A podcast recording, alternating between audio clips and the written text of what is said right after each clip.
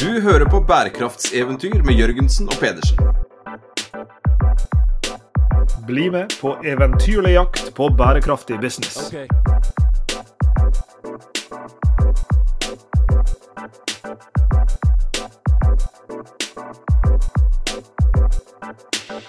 Er ikke det deilig, Sveinung, når en liksom har to gode ting på en gang? jo, det er, det, er, det er, deilig. Det er det. Sånn type du får liksom masse reker og greier foran deg, og så sier noen vil du ha et glass hvitvin? Oi, oi, oi. Eller du liksom eh, du befinner deg i et forum hvor du diskuterer forretningsmodeller med spennende forretningsmodellforskere, og så innser du oi, jeg er i Roma. du, du, hadde bestilt Sveinung Jørgensen, og så yes, jeg fikk Lars Jakob Tynes Pedersen i tillegg. Å herregud, nei, jeg vet ikke om det faller i Minus og minus kan bli pluss, men jaggu ikke pluss og pluss kan bli minus også. Litt usikker på det der. Men i hvert fall, du er jo en Jeg er veldig, veldig spent på å fortsette. Ja, det er jeg også, så nå skal jeg prøve, da. Du er jo en vitenskapsmann, eh, Sveinung. Jeg ser deg for meg løpende rundt hjemme med hvit frakk og, og, eh, og blande sammen ulike sånne potions. Men i tillegg så er jo du en person eh, Nå snakker jeg helt uironisk, du er jo en vitenskapsmann. Men jeg, og jeg, også helt uironisk så er jo du en person som, som, bryr seg om impact. Og med det mener jeg at du er nok en av de folka jeg kjenner som kanskje blir mest turned off hvis du opplever at det du driver på med, ikke har noe sånn synlig mål, altså at det skal lede fram til et eller annet som betyr noe. Så du sier at jeg har eh, grandiose vrangforestillinger? jo, men det er en helt annen historie. Det kan vi ta en annen episode. Nei, men jeg mener, jeg mener det faktisk eh, som et ektefølt eh, kompliment. Fordi du, du, har alltid vært god på å styre etter liksom, logikken om at det er jo gøy å drive med ting som kan føre fram til et eller annet.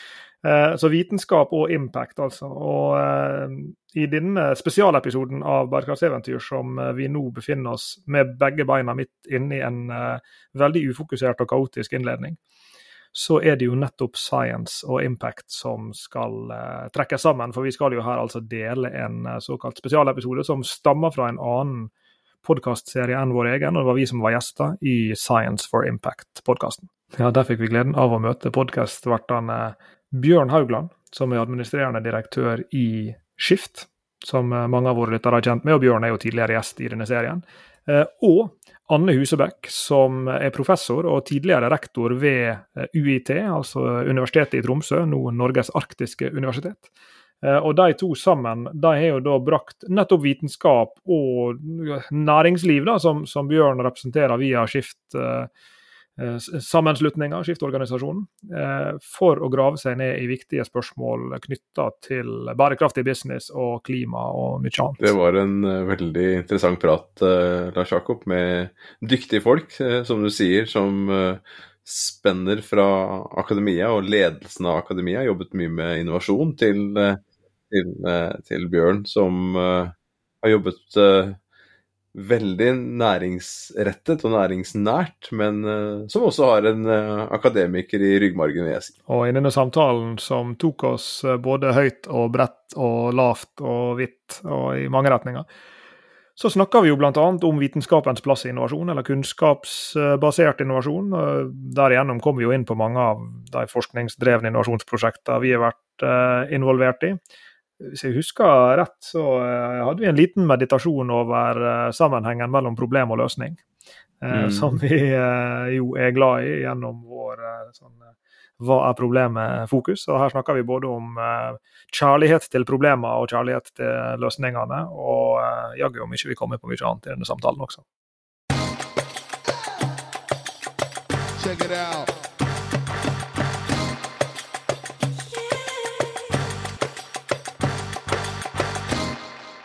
Velkommen til eh, dagens episode av podkasten Science for Impact. Mitt navn er Anne Husbekk, professor i immunologi og tidligere rektor ved UiT, Norges arktiske universitet. Og med meg har jeg Så det er Bjørn Haugland, eh, leder av eh, Skift. Og vi har spennende gjester med oss i dag, Anne. Ja, i dag har vi to gjester fra Norges handelshøyskole.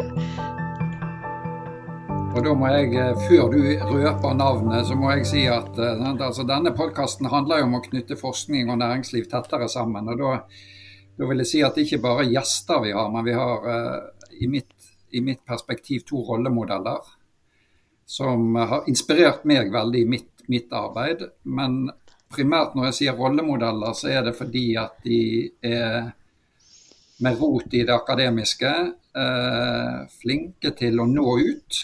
Eh, ikke minst til, til næringsliv. Så nå er det kanskje noen som vet hvem jeg snakker om, men da Anne, får du eh, introdusere rollemodellene våre. Ja, eh, Det er eh, førsteamanuensis Sveinung Jørgensen og professor Lars Jakob Tynes Pedersen.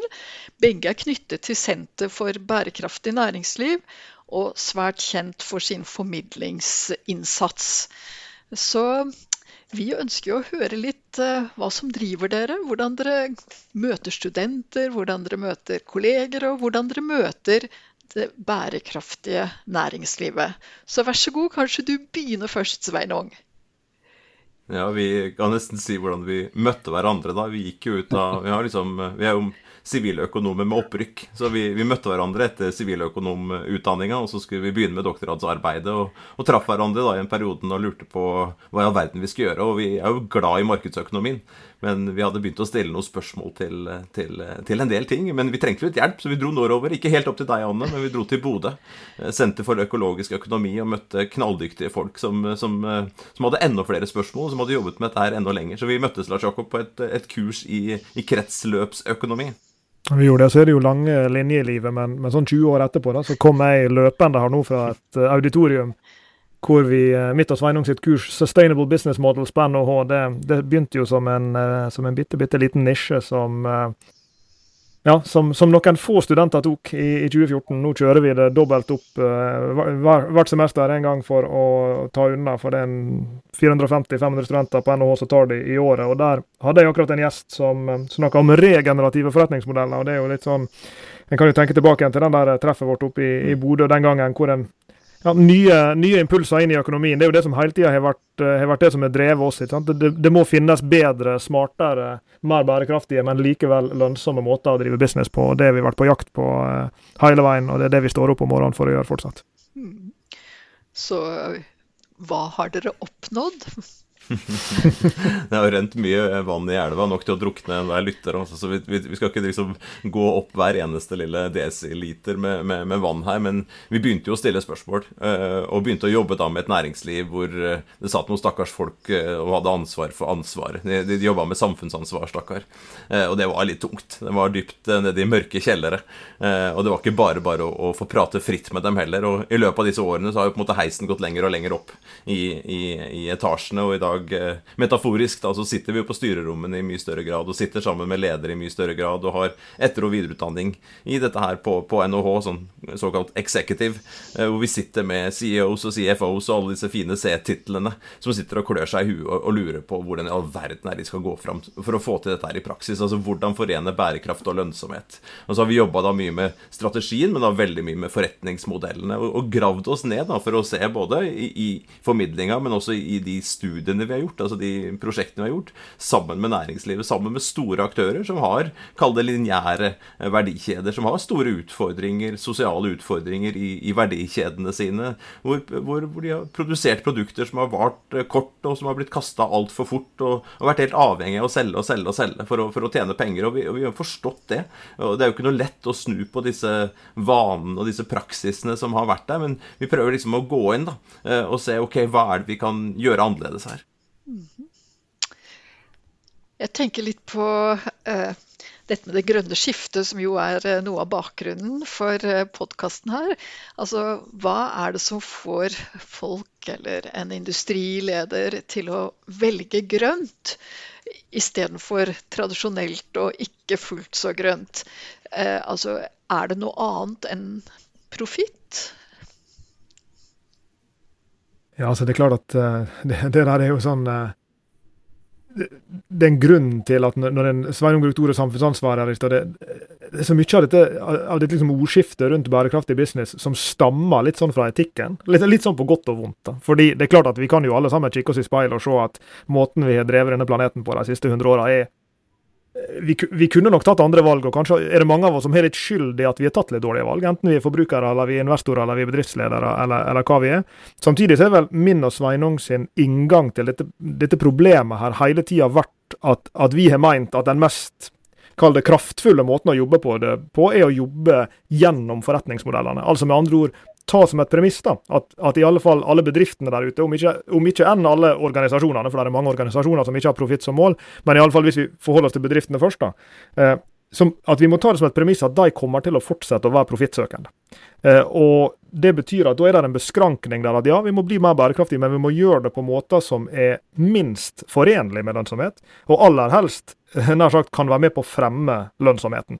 Eh, og det er jo der det for, for, eh, for, oss da hele tida har vært eh, liksom så, Og dette vi krangler med mange folk på, som vi er glad i på bærekraftsfeltet om. altså Er vi, er vi bare nær sagt slaver under bedriftsøkonomiens grunnprinsipp? ikke sant? Men, men, men vi har liksom tatt det som denne premisset. da, Først og fremst, la oss se hvordan dette, dette kan være forenlig med profitt. Men så er det klart, innenfor det og under det, så er det veldig mange ting som, som kan diskuteres som, som er, som er kall det mer sånn etisk karakter, om du vil. altså fra, Både fra Jeg skal ikke ha truffet mange ledere eh, så, før en eh, ser at her er det folk som, som har kvaler rundt valgene de tar. Som, som, ser at ah, jeg skulle ønske at jeg hadde gjort ting på andre måter. Og den impulsen der, den tror jeg er sterk hos mange av de lederne som, som har tatt store skifter i sine virksomheter. Hvis du snakker med en Paul Polman fra Unilever, eller du snakker med Eh, hva det måtte være. Til og med Tim Cook fra Apple i denne famøse uh, reklama som Apple har delt nå i det siste, der han, der, han, møter Mother Nature inne på, på styrerommet til, til, Apple. Det er jo en sånn historie rundt noe som Ja, det, det skal handle om profitt, ja, men, men, også noe mer. skal du si. Hva er storytelling, og hva er virkelighet her? Uh, men, men, ja, så Dette er jo komplekse sammenhenger, da, men, men for oss er jo hele tida dette bedriftsøkonomiske grunnlaget. Jo, bedrifter skal søke profitt, og vi må, vi må nær sagt operere innenfor den logikken. Det er lagt som et grunnlag for vår, vår tilnærming til dette. Mm. Jeg bare tenkte litt det du snakket om i forhold til liksom, vi, Det er mange som er ansvarlig for den situasjonen vi, vi er kommet i, eh, næringsliv. Men tilbake til liksom, universitetene og universitetenes rolle. Det er jo åpenbart et, et ansvar der også og en mulighet. Og, og, dere har jo på en måte har jo dere litt gjort sånn som Tesla, at dere tilbakekaller studenter for en, eh, en oppgradering. Det begynte, jo, det begynte, jo, kanskje med oss selv, da. Ikke sant? Ja. Altså at man, man, skjønte det at selv om man var nysgjerrig på, på, dette her, så skjønte man at man måtte lære å, å se verden på en litt annen måte. Eh, og, og, så da den inspirasjonen til å gjøre det med, med andre. Eh, vi har jo vært inspirert av, av, sykehusene, inspirert av universitetssykehusene alltid. Eh, og skulle jo ønske og fleipa med det at Lars, eh, nei, Lars Jakob, at, at en handelshøyskole Vi burde drive en, en potetgullfabrikk. Altså vi burde drive en eller annen form for virksomhet som vi også underviser. Akkurat som leger, og overleger og professorer på et universitetssykehus eh, driver med pasienter og har studentene sine tett på pasientene. Og ingenting er morsommere unnskyld uttrykket, enn når det kommer en skikkelig vanskelig pasient som du kan trille med deg fra inn i auditoriet foran hele klassen.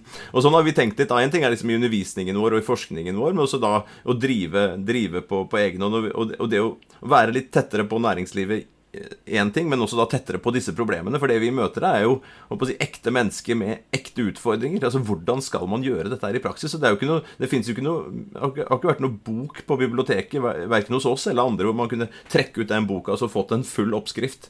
Hvordan ta f.eks. Orkla, da, som vi har jobbet tett med. Som har solgt uh, produkter som mange av oss har satt pris på. Godt og lukter godt, og huset blir reint. Uh, men hvordan skal man da vri seg vekk fra å, å levere det i engangsbeholdere, som vi kjøper billig? Bruker en kort tid, og så hiver vi det. Eh, Fram til dagens påfyll, da, som vi har vært med på et sånt innovasjonsprosjekt, hvor de faktisk nå lanserer et produkt for eh, påfyll på døra hjemme hos folk. Og når Brann ringer da, og sier at nå Brann fotballklubb i Brand, sportsklubben Brann eh, på dine trakter, Bjørn, eh, ringer og sier at nå trenger vi faktisk å få oversikt over all avfallet hos oss. Eh, for vi er nødt til å rapportere på dette her. Vi får eh, Uefa på nakken snart. Vi får Fotballforbundet eh, ikke på nakken, men med oss i, det. å vi må, vite hva er det som går gjennom anlegget vårt av avfall. Hvordan kan vi sortere bedre? Og hvordan kan vi gjøre andre typer tiltak rundt virksomheten vår? Og når man skal begynne et sånt arbeid, de, de, de ante jo ikke det. De ante jo ikke hvor mye som kastes av hvem. Og tenk dere etter en, en fotballkamp hvor det går en 15 000-16 000 enten veldig glade folk. Alltid i regn. I siste året når vi har forska på dette her, så har det jo vært veldig mye seire i tillegg. Det er jo ikke alltid sånn heller. Men da må man ned, da. Sette seg ned på knærne. Sette seg ned sammen med de som jobber i virksomheten, som kjenner den best.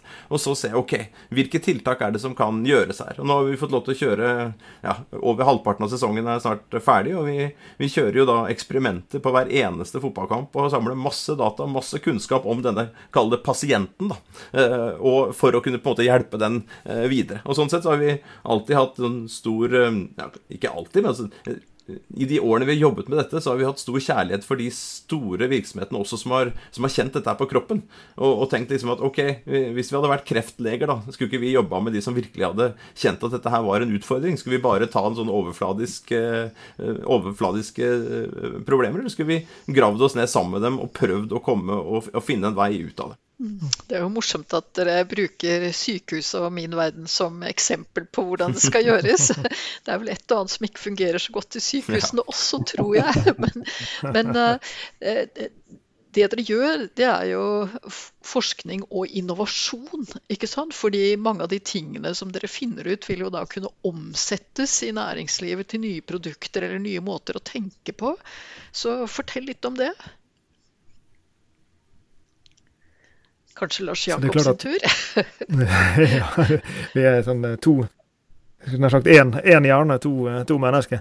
Men, men altså, det er klart at, at vi, vi, møter jo aktører som har lyst til å gjøre ting på andre måter. ikke sant? Og, og, og det som vi vet om, om atferdsendring, enten en er enten en, en, en enkeltperson eller en, en bedrift, det er jo at, at endring gjør jo vondt. ikke sant? Det, det, det Sykehusene som du er inne på, det skal litt til å snu skuta i et, eh, i et helt helseforetak, og det skal litt til å snu skuta på en, på en sykehusavdeling. Og, og, det som vi dypest sett er, hvis du tenker på sånn forskningsmessig, vi er jo atferdsforskere. Vi prøver å forstå hvordan folk sin atferd formes, og den formes jo, og der kommer liksom bedriftsøkonomidelen inn i bildet, eh, den formes jo av forretningsmodellene som vi opptrer innenfor. ikke sant? Eh, Sveinung snakka om her i stad med engangsemballasjen. Vi har jo hele gjengen blitt lært opp over mange tiår til at vi skal Eh, at vi skal forbruke gjennom enkle engangsløsninger. Jeg snakker med folk på ledere i, i store sykehus i, i, Norge som sier at altfor mange av våre ansatte på sykehusene de, de har vaner som, som, vi har fått lov til å ha. At skal du inn på en kirurgisk avdeling, var det en som brukte som et eksempel her, så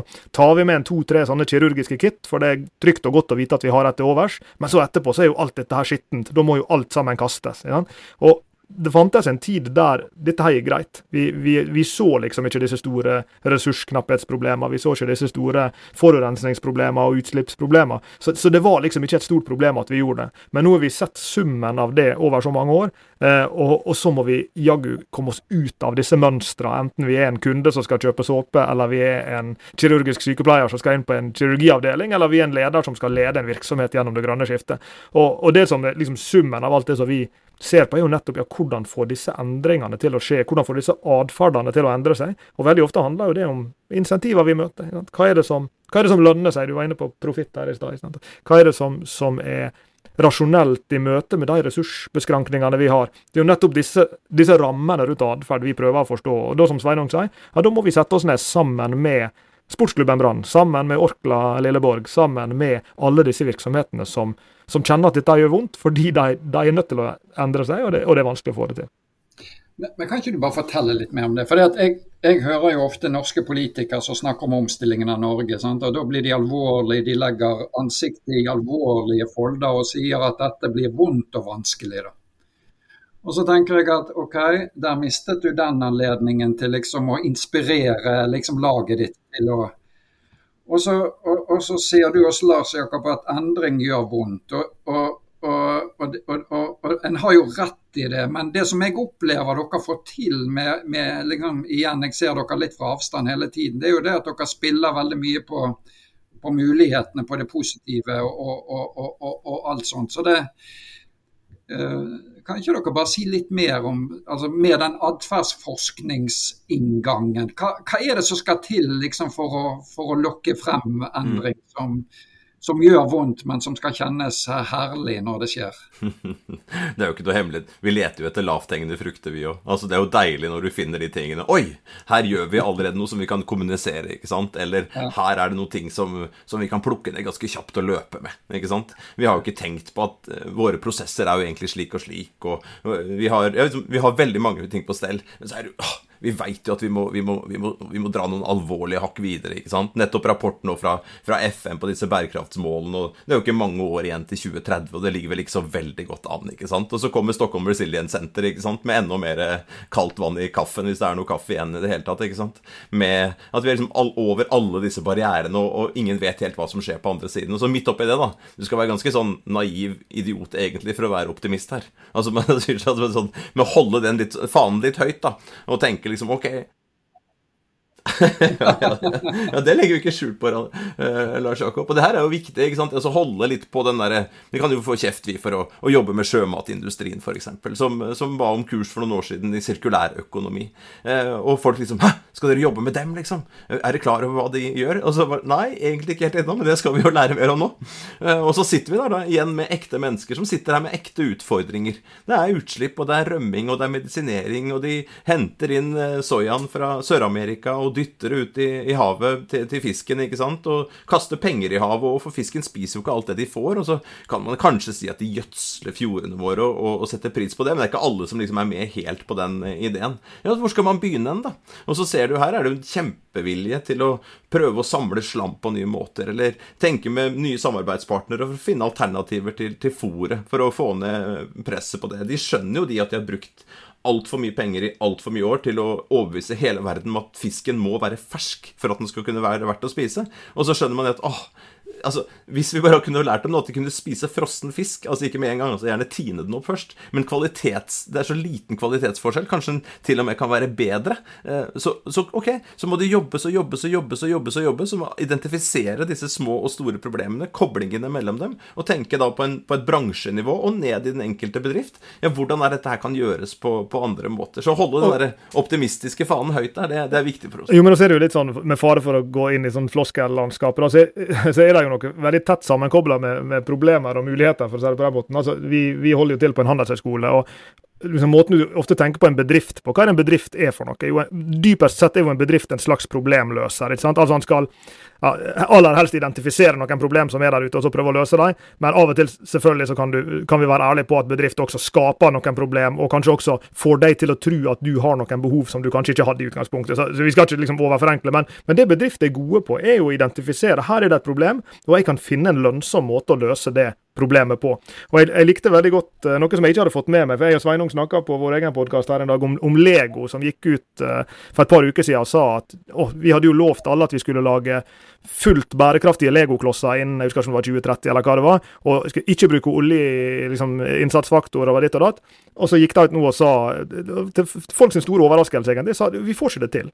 Vi, ser at vi må gi opp dette prosjektet, vi får ikke det til. Men hva var det som skjedde da? Og det var, her, det var denne delen av historien jeg ikke hadde fått med meg før en, eh, en, en kollega fortalte meg det her i dag. Jo, plutselig, da, når det problemet blir lagt fram, hva er det som skjer? Jo, mange andre entreprenører i andre bedrifter kommer og sier ja, men vi kan hjelpe dere, Lego, med dette her. Men vi visste jo ikke at dere hadde dette problemet. Men, men vår vår måte å produsere plast på, eller våre innsatsfaktorer, eller you name it, de, de, vil jo egne seg godt for dette formålet. Og så kan det hende at det er sant, og det kan hende at det ikke er sant. Men poenget er at det som skjer når disse problemene blir lagt fram, det er at da sitter entreprenører der og ser at oi, hvis jeg klarer å løse dette problemet Tenk å være hoffleverandør til Lego da, på, på den innsatsfaktoren som kan erstatte, eh, erstatte den eh, oljebaserte plasten der. Ja, Det kan komme til å lønne seg, altså. Og, og jeg tror det er den mest optimistiske taken jeg har på, på det grønne skiftet, det er jo at nå er det så mange problemer der som haster for disse bedriftene å få løst, hvis de skal leve opp til sine egne lovnader til sine investorer, til finansmarkeder og til regulerende myndigheter og, og, andre. For det er utrolig mange bedrifter nå som har sagt vi skal kutte X, vi skal oppnå Y, men vi får ikke det til. Vi trenger hjelp fra andre som kan nær sagt, finne forretningsmuligheter i det problemet. Men det betyr at det må være en åpenhet da, om det som kanskje tidligere ble betegnet som bedriftshemmeligheter, og hele nøkkelen til at en bedrift lønte seg, det var at de hadde funnet en oljebasert legokloss og laget den i 10 milliarder eksemplarer. Så, så, det er jo litt forskjell på forskning i, i næringslivet og forskning i universitetene, hvor, hvor, åpenheten har blitt eh, mye større, og hvor man stadig vekk enten å lage forskningskonsortier eller iallfall med søknader hit og dit og, og, og, disse tingene. Men det kan jo godt tenkes at den måten å tenke på også er bra for, for næringslivet. Jeg tenkte på Ja. Jeg, bare, jeg, jeg, jeg, må bare, eh, Når jeg sitter og snakker med dere, så tenker jeg på én ting hvor atferdsendring antagelig har skjedd hos mange. Og det er eh, Nespresso som lager sånne kaffekapsler. Altså Før så gikk de rett i søpla, og så sa de bare at her har du en pose som du kan fylle å levere på postkontoret. Og det var jo hele Altså, det var en game changer. ikke sant? At du kunne fritt og franko, selv fra et sted i verden hvor jeg bor, bare bære posen med kapsler til postkontoret, og borte var den. Og så står det at kapselen er 85% resirkulert. Jeg vet ikke om det er sant, men det er iallfall veldig hyggelig å tenke på det. Ja, jeg avbrøt deg litt. Uh, Nei, du, det var jeg som avbrøt deg. Jeg trodde, jeg trodde, du, var, jeg trodde du var ferdig. Ja. Beklager. Uh, midt oppi det hele da, så har vi jo Altså, Bjørn sa jo særdeles hyggelige ord her i, i begynnelsen og, og, og, skrøt av oss. Så det er jo ikke noe vanskelig å snu det speilet og skryte tilbake og, og, og fulgt den utviklinga i Skift. Hvor du får da flere og flere bedrifter som tør å signere, som tør å stå fram. Og, så, og jeg tror mye av vårt arbeid opp gjennom åra også har vært litt sånn diakonarbeid. Litt sånn, sånn kom til oss og få en klem, liksom. Og, og, og vi har nok brukt, og bruker fremdeles en del humor på å på en måte senke litt av den derre Det er så tight ikke sant? når du kommer inn på dette store, vidløftige bærekraft. Så er det nesten så du får sånn orgelmusikk i bak, bak, bakgrunnen. Eh, men det å få ned skuldrene litt og, og, og, kunne prate om det La oss liksom Ja, hva er det dere driver med? Eh, hvilke problemer er det dere har? Eh, hvordan rammer det dere selv og andre? Eh, og i begynnelsen så var det jo mye mindre åpenhet, apropos det, for, for, å snakke om disse tingene. ikke sant? Det var så tabubelagt, og, og man holdt det litt nede. Men jeg har opplevd over tid og, og se hos, hos, hos Bjørn f.eks. at det, det kommer jo flere og flere organisasjoner til som ikke nødvendigvis er liksom eh, de, de beste barna på, på, lekeplassen, på en måte. Det er en del rampunger ute og, ute og går der, men som allikevel blir med og sier ok, ja. Vi har lyst til å peke mot noe annet, og vi ser at her har vi et problem som vi har lyst til å, og vi trenger å løse. Nei, men det, det, det, var hyggelig sagt. Og så er det en ting som jeg bare sitter og tenker på, som uh, faktisk har vært litt sånn transformativt for meg i denne samtalen. Og det er jo, jeg, jeg tilhører jo også den litt uh, naive delen av, av, bevegelsen som alltid har heiet på grønne løsninger. Altså det å liksom å, Denne troen om å få frem løsningene. men det som, det som dere har delt i dag, og som jeg skal tenke mer på fremover, det er jo liksom Eh, den effekten av å, å, i mye større grad dele problemene.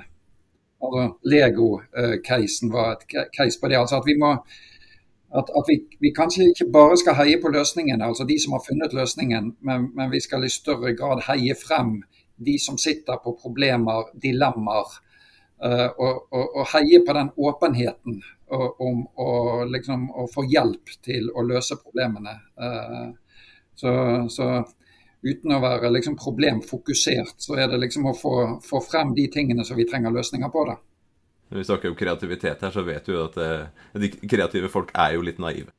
Eh, de må ha en blanding av kreativitet og, og, og kritikk eh, i seg. Altså de, hvis du ikke er naiv, så vil du aldri finne disse løsningene. Du vil, du vil, avfeie alt med en gang. Så man er avhengig av en sånn Janus-personlighet, sier forskerne der, da, på å ha en, sånn, en, en god miks av, av, det naive eh, og det, og det kritiske. Og, sånn er det vel litt her også, håper jeg. da. Og, gjennom den problemfokusert tilnærming, hvis man, da, hvis man gjør det for å finne disse løsningene, så, så, så er det jo muligheter, da. Hvis man klarer liksom å se på problemene på litt ulike måter, snakke om dem, som Lars Jakob er inne på her, møte også andre som, som, sitter der med en verktøykasse som kanskje kan løse det problemet for deg. Og hvis man ikke er åpen på det, sånn som Anne sier, eh, uansett hvilken bransje man er i, et universitetsbransje eller andre, så ja, hvordan skal andre folk få vite om det? Hvordan skal man begynne å angripe det? Og En gang, en ting som er rart, er at vi har brukt så lang tid jeg og Sveinung, på å komme oss til altså nå, nå har vi vært der i noen år, men det tok mange år før vi kom oss dit hen at vi tok på alvor det som vi faktisk kalte oss sjøl når vi først uh, gikk ut i sosiale medier sammen. Vi fikk oss en felles Twitter-konto for veldig mange år siden, og den heter den gangen 'Hva er problemet?' Og Det var jo fordi at vi hadde en sånn problemformulert tilnærming til innovasjon. ikke sant? Uh, og så mange mange, mange år etterpå så skrev vi en, en bok som heter Restart, Restart Sustainable Business Model Innovation. og Der er det en sånn innovasjonsprosessmodell som vi kaller for restarteren. Og Den hadde i utgangspunktet tre faser, som vi kalte for rethink, reinvent og reorganize. Altså med andre ord, tenk nytt, tenk annerledes, tenk nær sagt bygge om, gjøre det på en annen måte, og, og, og rigge for en ny uh, fremtid. Men så var det en, en og det må vi en shout-out til uh, Tor Sandblås, den gangen var han uh, på direktørnivå, det må være strategidirektør, hvis jeg husker rett, i Wonderland uh, madrasser. Uh, og han var på en workshop med oss med en, en møbelklynge. Og, og, der hadde vi da, skulle vi diskutere nye forretningsmodeller. Og så etter to dager, eller tre dager tror jeg, vi hadde holdt på med workshoper og inn og ut av, av rom der og diskutert forretningsmodellinnovasjoner og sirkulære modeller og leiemodeller og alt mulig for disse møbelaktørene. Så sa han at det er jo en fase før disse tre, sa han, for vi har brukt aller mest på det som kommer forut, nemlig, eh, nemlig det å virkelig forstå hva problemet er. Så da tegna vi om denne modellen før han gikk i trykk i denne boka, og putta inn en første fase foran som heter recognize. altså bli klar over eller erkjenne hva problemet faktisk er. Og Vi ser jo det i de innovasjonsprosessene vi er inne med i, sammen med bedrifter, enten vi, vi, forsker på dem eller vi jobber med dem på andre måter. Det er jo det vi bruker aller mest tid på. Sant? Virkelig grave oss ned i problemet og forstå hva problemet består i. Fordi Hvis ikke du gjør den der grunnjobben der, eh, så er det å liksom hoppe på alle disse alternative løsningene. Å, vi kunne leid ut. Å, vi kunne hatt reparerbare. Vi kunne hatt ditt, vi kunne hatt datt ja, først må vi forstå hvilket problem det vi prøver å, å løse. Så vi, vi deler den, eh, den problemkjærligheten med deg, Bjørn. Mm. Det betyr jo også at dere jobber Jeg, jeg syns ikke dere jobber med naivitet, men genuin nysgjerrighet. Og det er jo det som driver forskere generelt. Altså, du må være nysgjerrig, du må prøve å se eh, hva som kan gjøres, eller hva som er neste steg, eller hvordan du skal komme dit. Og bruke dine metoder til å komme dit. Så jeg, jeg syns dette, dette er jo forsknings- og forskningsmetode. ikke sant? Og det er ikke rart at dere bruker det. Dere er jo universitetsansatte begge to, så det er jo flott. Men det virker jo som dere gjør det veldig brukbart for de som er eh, lyttere, eller de som eh, ja, eh, gjør bruk av podkaster og annet materiell. Jeg må si jeg ble veldig imponert når jeg kikket litt både på podkaster og filmer og, og, andre ting. Fordi det er veldig lett å forstå hvilken eh, metode dere bruker. Og veldig lett å tenke at eh, ja, men dette er jo min hverdag også. Jeg vet ikke helt hvorfor jeg velger det ene fremfor det andre. Og kanskje er det ikke så bevisst, og hva skal til for at jeg blir mer bevisst og sånne ting. Så jeg blir bare så imponert og syns at den formidlingsmetoden dere har valgt å bruke, er så effektiv. Og det er klart at det er gull verdt både for studenter, for andre ansatte på handel, andre akademikere og alle i næringslivet.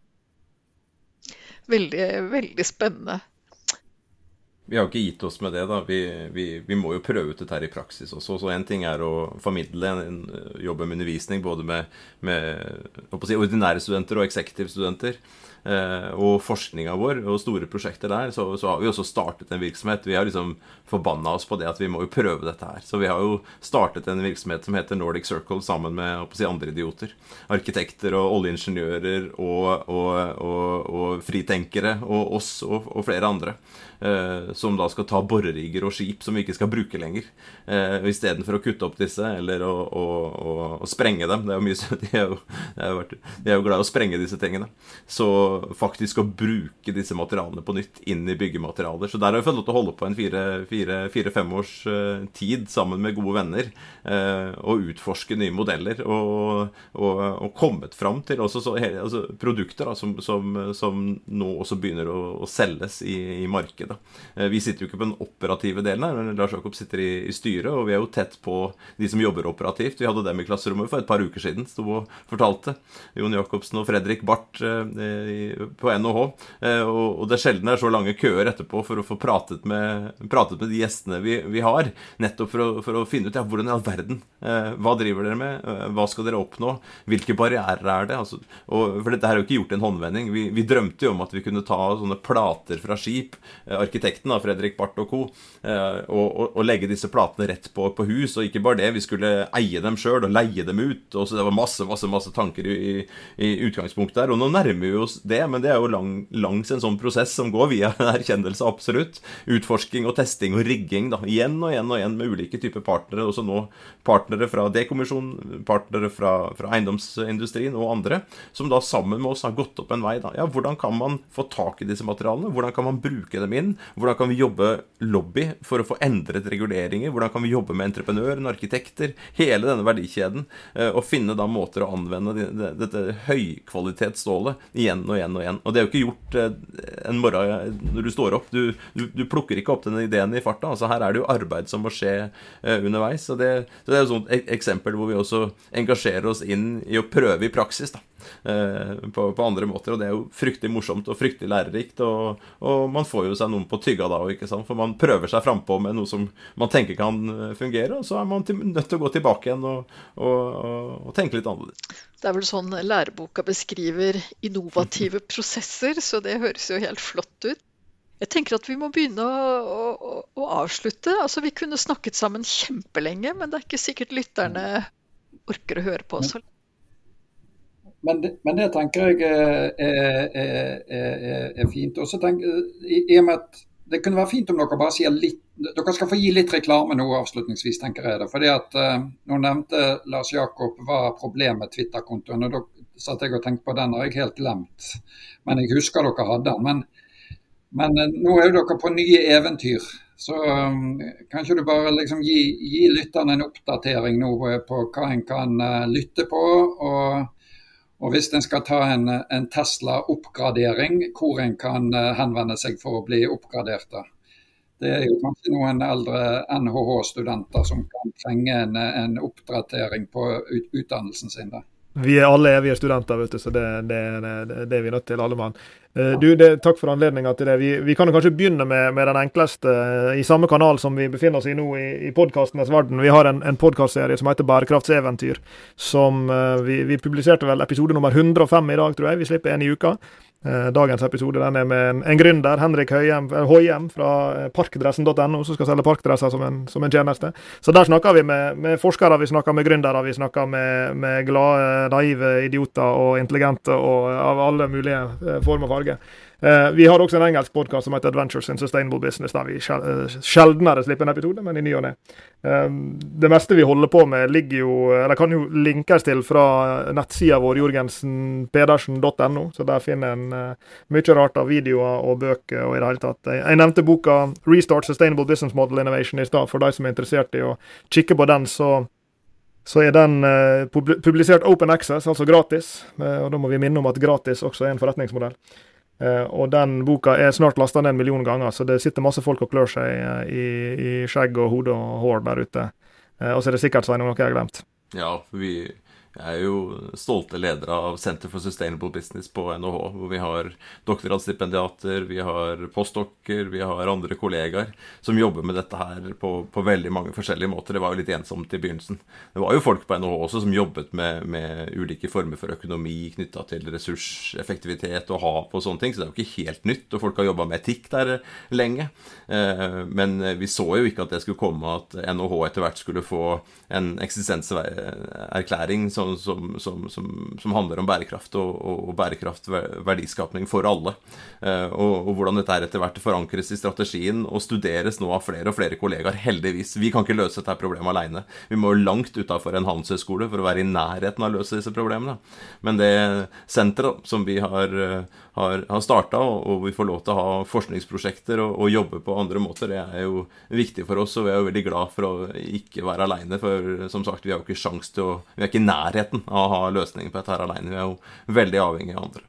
Og så sa du selvfølgelig, eh, Bjørn, og det glemte jeg helt å, nær sagt svare ut. Eh, vi driver også videreutdanning på ulike måter. Vi har et executive-program som heter Sustainable Business Strategy, hvor vi har eh, en 25 pluss eh, deltakere i året, som typisk er ledere på relativt høyt nivå i, i norske virksomheter. Vi er da på kull nummer tre nå, som eh, om noen få uker drar til Berlin sammen med oss for ei uke fordypning i bl.a. sirkulærøkonomi og sirkulære forretningsmodeller, sammen med gode kollegaer der nede. Så vi, en gang i året så starter vi opp sånne executive-program som eh, vi, vi jo ser selvfølgelig, ikke overraskende når en ser på næringslivet rundt seg, Eh, og at det er mer og mer etterspørsel etter, fordi så mange ledere står i disse utfordringene og har lyst til å lære sammen med andre smarte ledere hvordan de kan eh, jobbe for å få det til. Nei, men Det var veldig gøy å, å, å høre og veldig inspirerende. Og Anne, det må jo være eh, gøy for deg å høre at sykehussektoren har liksom, Egentlig det, det, er den sektoren som har, har, skapt alt dette her i utgangspunktet. Da. Ja, det er veldig inspirerende. det, og jeg, jeg har tro på modellen, men jeg har ikke tenkt det grønne skiftet før. Det har jeg ikke gjort, så det var veldig nytt. Men da skal vi Men da er vi, vel, eh, er vi vel der at vi bare sier tusen takk. Sveinung og, og Lars Jakob. Eh, det er inspirerende det dere gjør, så vi heier på dere og oppmuntrer dere til å stå på virkelig eh, videre. Og til de som hører på podkasten, så laster dere den ned der dere vanligvis hører podkast. Og har dere innspill til gjester vi skal ta med, så kan dere sende det til oss. Og så kan dere helt sikkert sende til eh, Sveinung og Lars Jakob hvis dere har gode ideer til, eh, til nye bærekraftseventyr. Så med det så tenker vi bare sier takk for i dag. Takk for i dag. Takk, takk. Tusen takk. Du har hørt på Bærekraftseventyr med Jørgensen og Pedersen. Send e-post til eventyr.krøllalfa.jorgensenpedersen.no for å stille spørsmål eller komme med forslag til tema for fremtidige episoder. Og besøk jorgensenpedersen.no for mer informasjon om denne podkastserien. Okay. Derfra kan du også fortsette samtalen med oss i sosiale medier på Twitter, Facebook, LinkedIn, YouTube og andre steder.